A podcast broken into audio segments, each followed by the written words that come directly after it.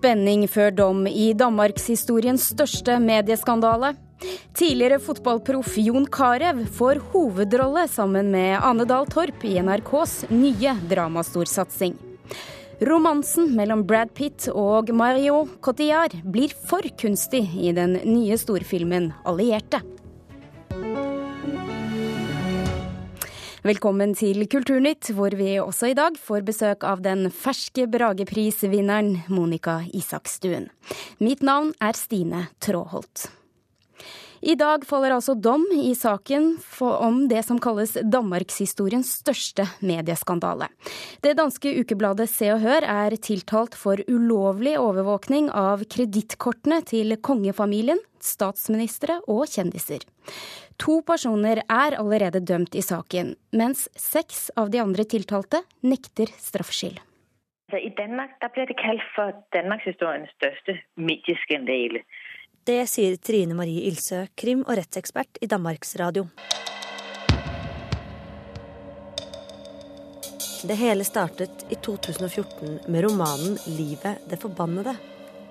I denne boken skrev tidligere journalist i danske Se og Hør om urovekkende arbeidsmetoder i et fiktivt sladreblad.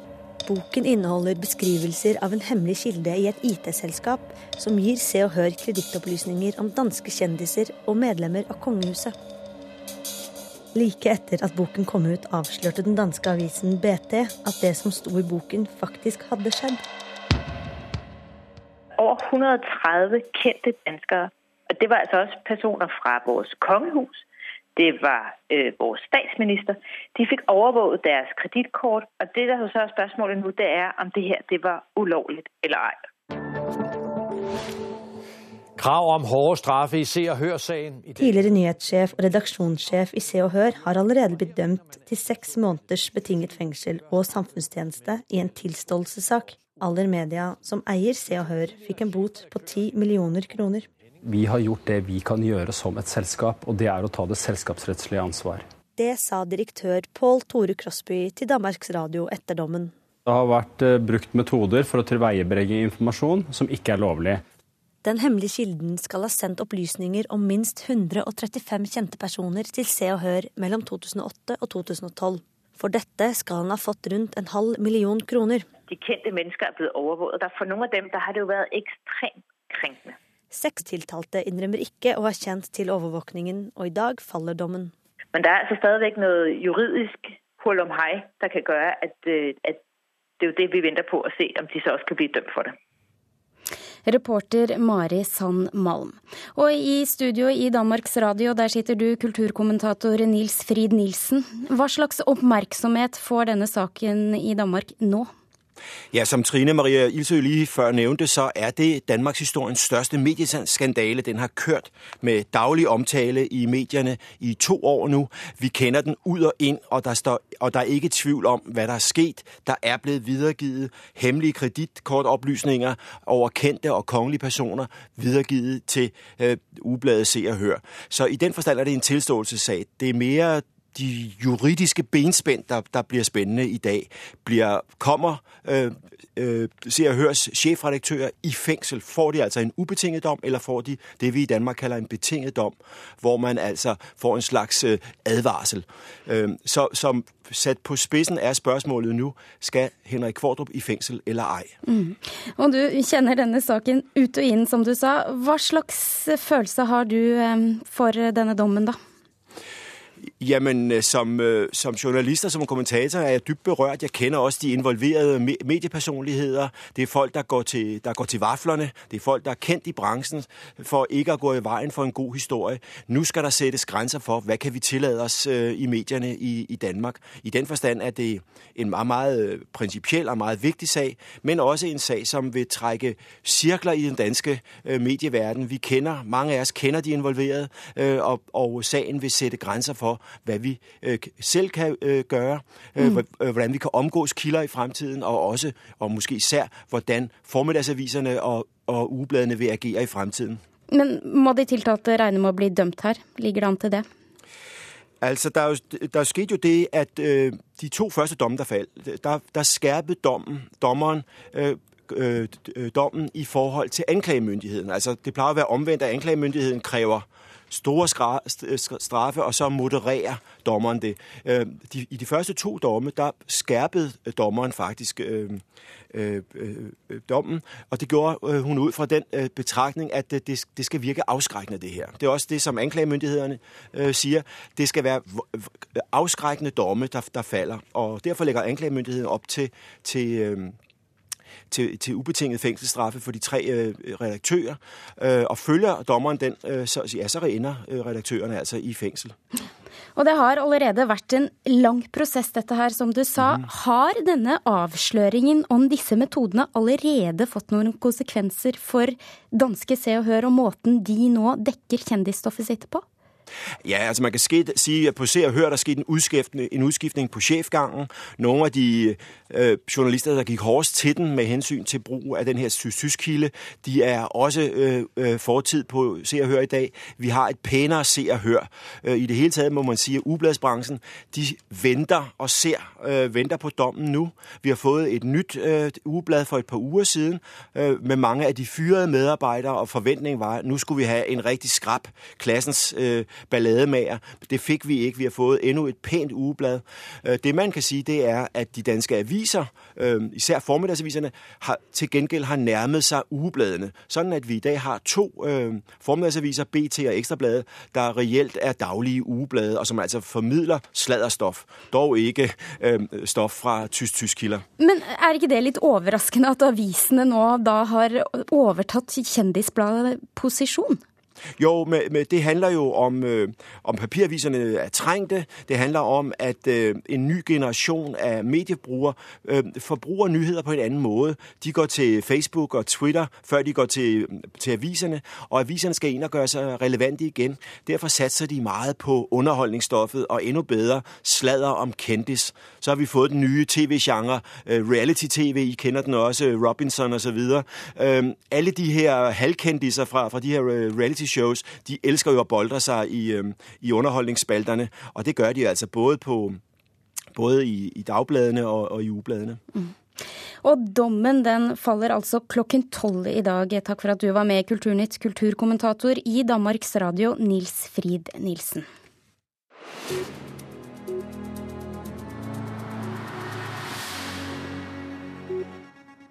Og da har jeg fått besøk av reporter Mari Sandmalm i studio, for du har tatt en titt på nyhetene denne morgenen, og det har skjedd store ting skjedd med norske øyne under dokumentarfilmfestivalen i Amsterdam. Ja, den norske dokumentarfilmen 'Nowhere to Hide' eh, vant i går kveld prisen for beste kinodokumentar på IDFA, som er verdens største dokumentarfilmfestival. Og det er første gang en norsk film vinner denne prisen. Og vi kan jo høre hva produsent Mette Cheng Munterkås sier om å vinne. Det betyr veldig mye for filmen, denne prisen. Det betyr jo en, en økt, økt, sjanse for å bli sett eh, av mange over hele verden. Og dette er en film som, eh, som bør bli sett, som forteller om livet og konsekvensene av denne krigen i Irak og livet til vanlige mennesker. En eh, historie som vanligvis ikke blir, er blitt fortalt. Og denne filmen følger den eh, irakiske familiefaren Nori Sharif under den amerikanske tilbaketrekningen fra Irak i 2011, og er laget av regissør Saradasht Ahmed.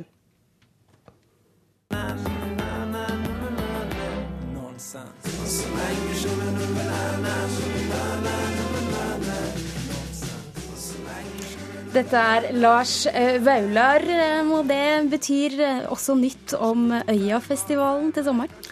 Ja, det er Lars Vaular som får æren av å avslutte Øyafestivalen i 2017. Det er det Aftenposten som skriver. Og det å avslutte festivalen det ses på som noe helt spesielt, og Vaular sier selv til Aftenposten at dette er en hedersplass. Tusen takk, reporter Mari Sandmalm.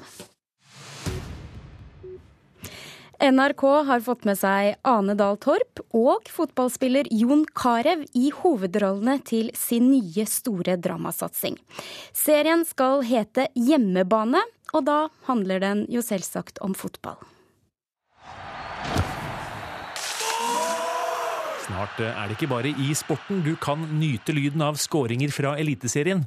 Nå kommer også NRK Drama på banen med den nye serien Hjemmebane. Hjemmebane handler om en kvinnelig fotballtrener som får mot alle odds jobben som trener for et nyopprykket eliteserielag på herresiden, og blir med det norgeshistoriens første kvinnelige fotballtrener for et herrelag. Det sier serieskaper Johan Fasting, og det er ikke hvem som helst han har fått med seg på laget.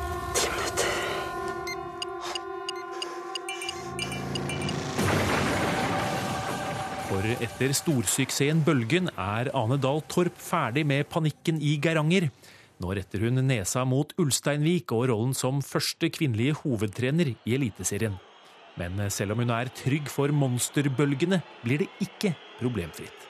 Motstanden til Ane i serien er en karakter som er en, en fotballspiller på tampen av karrieren sin, som har hatt en stor proffkarriere i Europa og som nå har flyttet hjem for å avslutte karrieren eh, i Norge. For rollen som den forsmådde assistenten, som hadde sett for seg at det var han som skulle få hovedtrenerjobben, spilles av en vi kjenner fra en helt annen arena, nemlig den virkelige fotballarenaen. Karevs andre sjanse, ball inn i feltet! Og denne gang sitter corneren i mål! Endelig så er det 1-0 for Norge. Da tenkte vi en som var veldig god i fotball, som på en måte er troverdig at har erfaring på dette nivået. Eh, og da Det vet vi jo allerede at eh, Jon Carew har. Og så var spørsmålet om eh, kan han levere på skuespillerfronten. Og det har vi gått mange runder på og sett han gjøre prøvefilminger foran oss. Han har spilt mot Ane, og det har vi testet ut. Og han har gjort en helt fantastisk jobb i de prøvefilmene og vist at han har utrolig mye å bidra med som skuespiller. Rollen er et stort steg i skuespillerkarrieren Carew har satset på etter at han la støvlene på hylla. For to år siden spilte han gangster i actiondramaet 'Høvdinger'.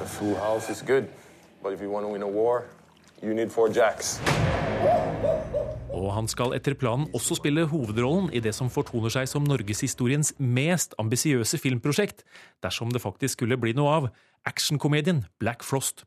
Her skal Carew spille Felix Frost, en slags halvt afrikansk og halvt samisk James Bond.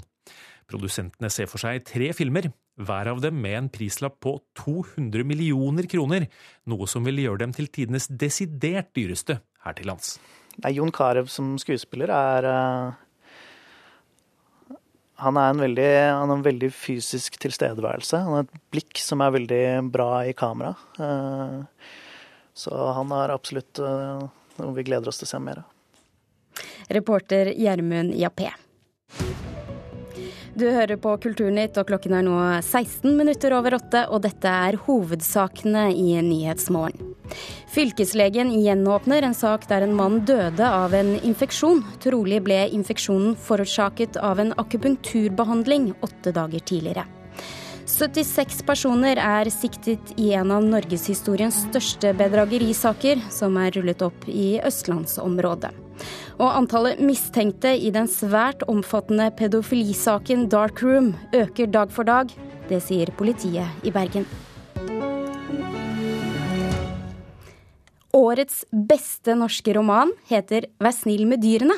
En bok om delingen av omsorgen for barn etter en skilsmisse. Og den er skrevet av Monica Isakstuen, som i går kveld fikk den høythengende Brageprisen for boka. Gratulerer, Monica Isakstuen. Tusen takk. Du, Jeg har sett bilder av deg i Nettavisen i dag fra utdelingen i går, og du ser ekstremt glad ut. ja, det er jeg fortsatt. Hva sa mm. du i takketalen? Eh, eh, først så takket jeg moren min for at hun hadde bedt meg om å skrive en huskelapp på det jeg skulle si, men den glemte jeg i veska mi, da. Eh, og så takket jeg eh, mine nære og kjære og redaktør og sånne ting. Mm. Vær snill med dyrene, den handler altså da om delingen av omsorgen for et barn etter en skilsmisse. Hvorfor var dette en tematikk som opptatt av, opptok deg så sterkt? Jeg har lest mye om altså Det ligger som et bakteppe i mange norske romaner, men jeg eh, tenkte Jeg har, har levd, eller har en sønn som bor sånn annenhver uke selv. Og jeg tenkte at um, dette høres jo så greit ut i så mange romaner, og også i virkeligheten for veldig mange. Um, men dette er jo ikke greit, tenkte jeg. Dette er jo vanskelig. Og så fikk jeg lyst til å skrive noe om det. Og alle de følelsene som kan dukke opp rundt den uh, livssituasjonen, da. Så det, men jeg visste jo ikke helt hva det skulle bli, om det skulle bli en roman eller bare liksom et eh, ja, korte tekster eller Men det, det forma seg etter hvert. Og uh, har jo blitt en ja, en ganske sånn fortvilt, men også morsom, har jeg hørt, tekst. Um, om dette, om karen da, som bor med datteren sin Anna annenhver uke av og på hos faren og henne. Og uh, hun er jo veldig Altså dette er veldig nytt for henne, så hun er veldig, veldig, veldig fortvilt, da. Prøver å venne seg til dette livet. Mm. Du har sagt at du hamrer løs på denne tematikken i romanen. På hvilken måte gjør du det? Jeg prøvde å tenke da jeg skrev at dette skal ingen se. Eh, at det skulle få ut eh, Tørre å skrive om de følelsene som eh, kan dukke opp, som er ganske skamfulle. Da. At man vil, ha, man vil, eie dette barnet og ja, alle sånne ting som er ganske ukorrekt å si, tenker jeg, i 2016. Og, men, men boka er jo ikke et debattinnlegg heller, ikke sant. Den er jo ja, den, den, Jeg hamrer løs at den er vel heller et brøl eh, rundt noen følelser som dukker opp. Så eh, det er jo mulig å synes at noe er vanskelig, selv om man kan tenke at dette er en riktig ordning, og dette gjør vi i 2016. Så betyr ikke det at det er lett. Mm. Et annet tema som har opptatt deg tidligere, det er løgn. Og det var tema i din forrige bok om igjen. Mm. Eh, og nå, når du ikke skriver bøker, så reiser du rundt og holder foredrag på ungdomsskoler for Den kulturelle skolesekken om nettopp løgn. Hva er det som fascinerer deg med løgnen? alt. Eh, det, og det gjør jo det fortsatt, eh, selv om jeg ikke har skrevet om det nå. Og jeg, eh, jeg syns jo denne historien om hun Joyce Hattow, da, som lurte en hel verden med utgivelse, altså musikk hun ikke hadde gitt ut eller ikke spilt inn selv, var utrolig fascinerende. Men så tror jeg jo løgn, sånn, altså det å ljuge seg bort fra noe, til syvende og sist handler om noe veldig enkelt. Om ja, at man vil komme seg vekk fra noe og ikke føle seg bra nok. sånne ting. Så det, løgn er spennende. og, og i, i, landskapet løgn, diktning, sant. Eh, hva er det egentlig som er forskjellen på det?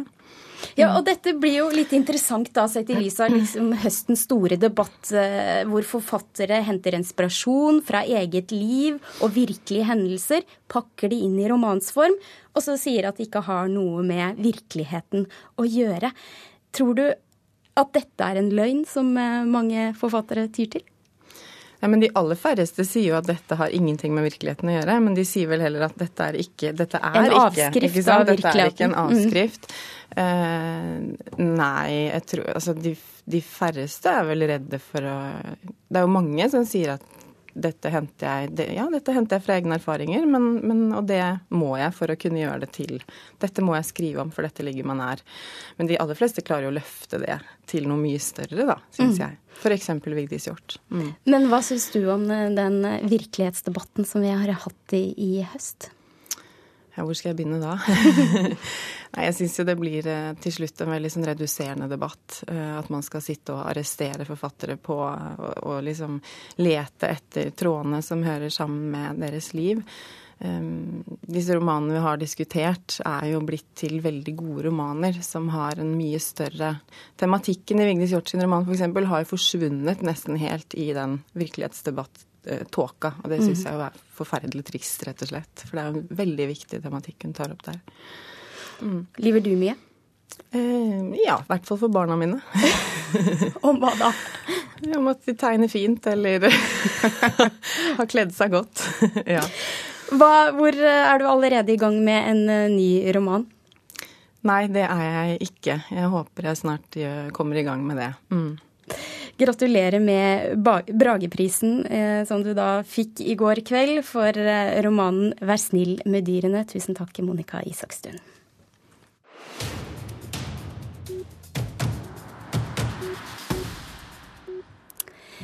I morgen så er det premiere på det romantiske krigsdramaet 'Allierte', der Brad Pitt og Marion Cotillard spiller hovedrollene som spioner under andre verdenskrig.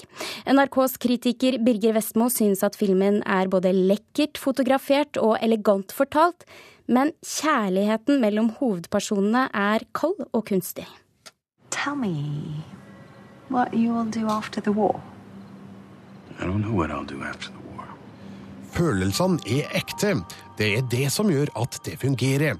Det sier Marion Cotillards rollefigur til Brad Pitts om sin jobb som undercover-agent i filmen Allierte. Dessverre mangler de ekte følelsene i skildringa av farlig romantikk under andre verdenskrig. Det er det som gjør at filmen ikke fungerer så godt som den burde, for når den ikke greier å vekke mer enn lunkne følelser for hovedpersonene, fremstår allierte som pen på utsida, men litt tom på innsida. Regissør Robert Zemeckis gir filmen et klassisk uttrykk, med handling fra både Casablanca og London. Derfor er det umulig å avvise filmen, for den er så lekkert fotografert og elegant fortalt. The lovely Madame Petit in apartment seven.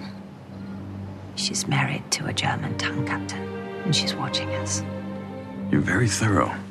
Under et farlig oppdrag i Casablanca i 1942 møter den canadiske offiseren Max Vatan, spilt av Brad Pitt, den franske agenten Marianne Beusejour, spilt av Marion Cotillard. De forelsker seg, flytter til London, gifter seg og får barn.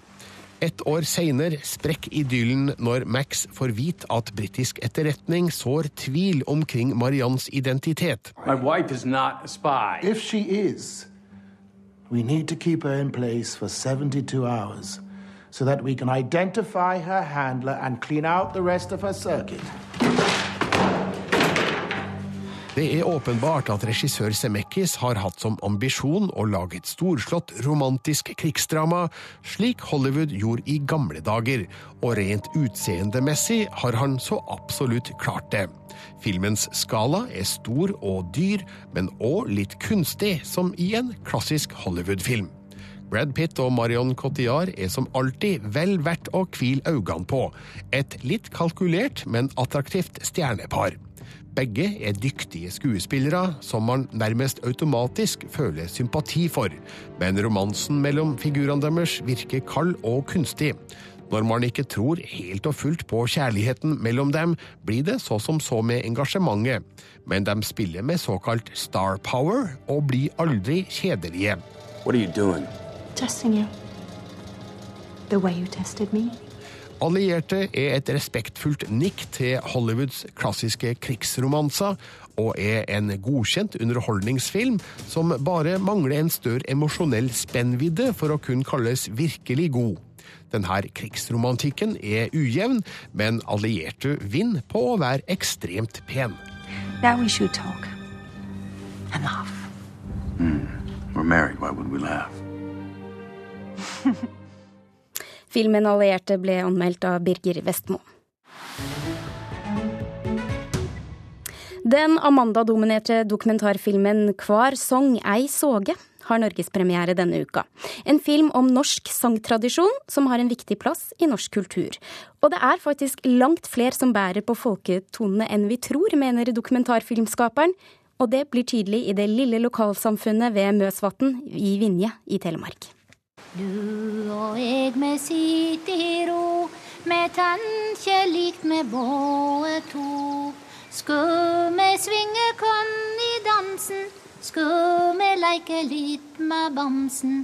Du er liten, jeg er stor, vesle gutt og bestemor. Jeg tror nok at når jeg synger, så, så prøver jeg kanskje å likne på ei hardingfele. for vi hadde trillun og det som finnes i, i fjellspillet. det har jevnt uh, fanga meg veldig. Og, og, det er på en måte grunnlaget for den måten jeg utbroderer visene på, da. Ja, et klipp fra filmen her. Velkommen til oss, regissør Aslag, Aslag Vaa. Hvor sentral er eh, folketonene og kveinga for innbyggerne ved Møsvatn? Eh, alle der kan mange av de sangene som vi presenterer i filmen, eh, men alle synger de ikke, dem, dem, ikke foran et kamera, eller så andre hører dem. Men de synger i bilen, og de kommuniserer, og de vet utmerket godt hva slags tradisjon de bærer på. Og hvordan holdes denne tradisjonen ved hevd?